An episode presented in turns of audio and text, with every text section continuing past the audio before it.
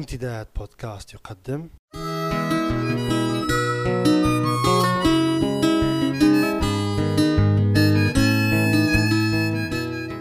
رسالة من لندن.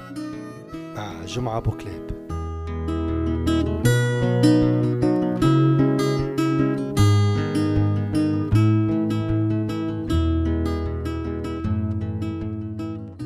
في سجن طرابلس المركزي الذي كان معروفا باسم الحصان الأسود. في بداية الثمانينيات من القرن الماضي أتاحت لي الصدفة التعرف على الكاتب والمعلق الإذاعي البريطاني أليستر كوب صاحب البرنامج الإذاعي المشهور رسالة من أمريكا. وكان صديقي دكتور محمد المفتي من قام مشكورا بتقديمي إليه. كانت البداية حين قررت إدارة السجن إجراء ترتيبات جديدة تتعلق بإقامة السجناء في الأقسام وفقا للأحكام الصادرة ضدهم. وقررت نقل كل المساجين المحكومين بالإعدام والموزعين على مختلف الأقسام في السجن ووضعهم في القسم الثالث.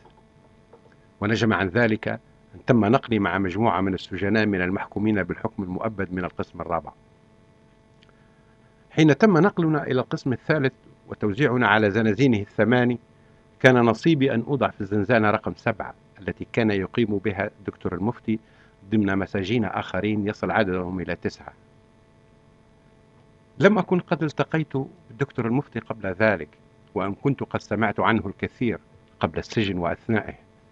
وبمجرد لقائنا وتواجدنا في زنزانة واحدة توطدت بيننا أواصر صداقة حميمة استمرت إلى يومنا هذا. كان الدكتور المفتي حين رأيته أول مرة في الأربعينيات من عمره متوسط الطول والشديد النحافة بشكل ملحوظ. يضع على عينيه السوداوين نظارة لقصر في بصره ناجم عن إصابته في صغره بمرض التراخوما ويرتدي قبعة مصنوعة من قماش قطني على رأسه وكان أيضا مدخنا شرها.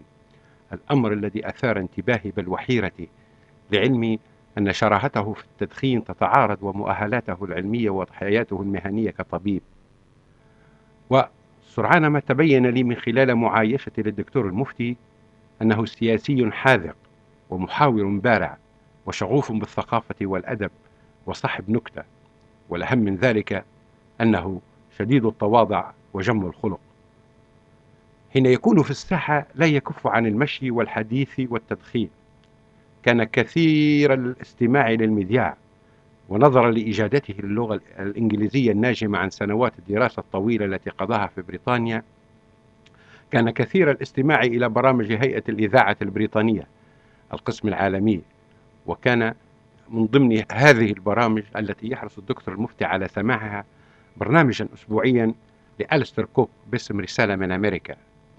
كان سريري يقع مجاورا لسرير الدكتور المفتي وبالتالي كان بإمكاني الإنصات إلى جهاز مذياعه وأنا مستلق في سريري وكان حريصا على أن يشاركني الاستماع معه إلى حلقات ألستر كوك تلك الفترة لم تكن لغتي الإنجليزية في مستوى لغة دكتور المفتي لكن السنوات الثلاث التي قضيتها طالبا بقسم اللغة الإنجليزية بكلية التربية بجامعة طرابلس حتى العام 1976 جعلت من الممكن لي متابعة البرامج الإذاعية الإنجليزية بسهولة أحيانا وبصعوبة أحيانا أخرى.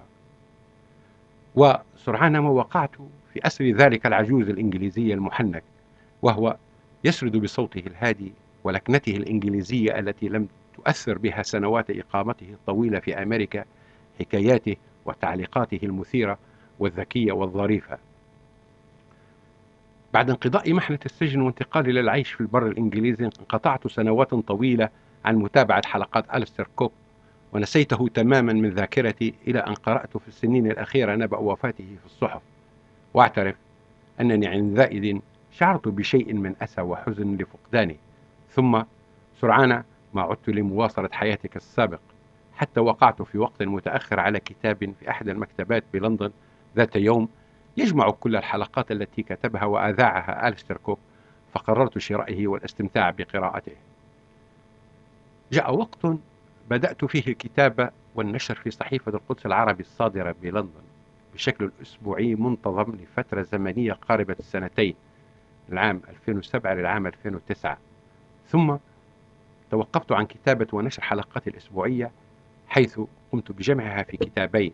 صدر الأول منهما في طبعتين تحت اسم حكايات من البر الإنجليزي والآخر قيد الإنجاز تحت اسم خطوط صغيرة في دفتر الغياب. كان التوقف مؤقتا عن الكتابة والنشر ضروريا لي كي أتمكن من إعادة ترتيب نفسي والدخول في تجربة كتابية جديدة. إلا أن توقفي عن الكتابة والنشر طال بشكل فاق توقعاتي. الأمر الذي أزعجني كثيرا وصممت على العودة إلى الكتابة والنشر في أسرع وقت ممكن. وكان لزاما علي ككاتب أن أهرب من عملية تكرار نفسي والبحث عن شكل جديد يعيد لي ككاتب شهية مفقودة للكتابة والإبداع والتواصل مع ذاتي والعالم والحياة والناس. أذكر أنني كنت ذات مساء متجر أشاهد برنامجا تلفزيا في بيتي حين وعلى حين توقع خطر لي أن أعيد قراءة حلقات ألستر كوك نهضت من فوري من مكاني واتجهت نحو أرفف مكتبتي.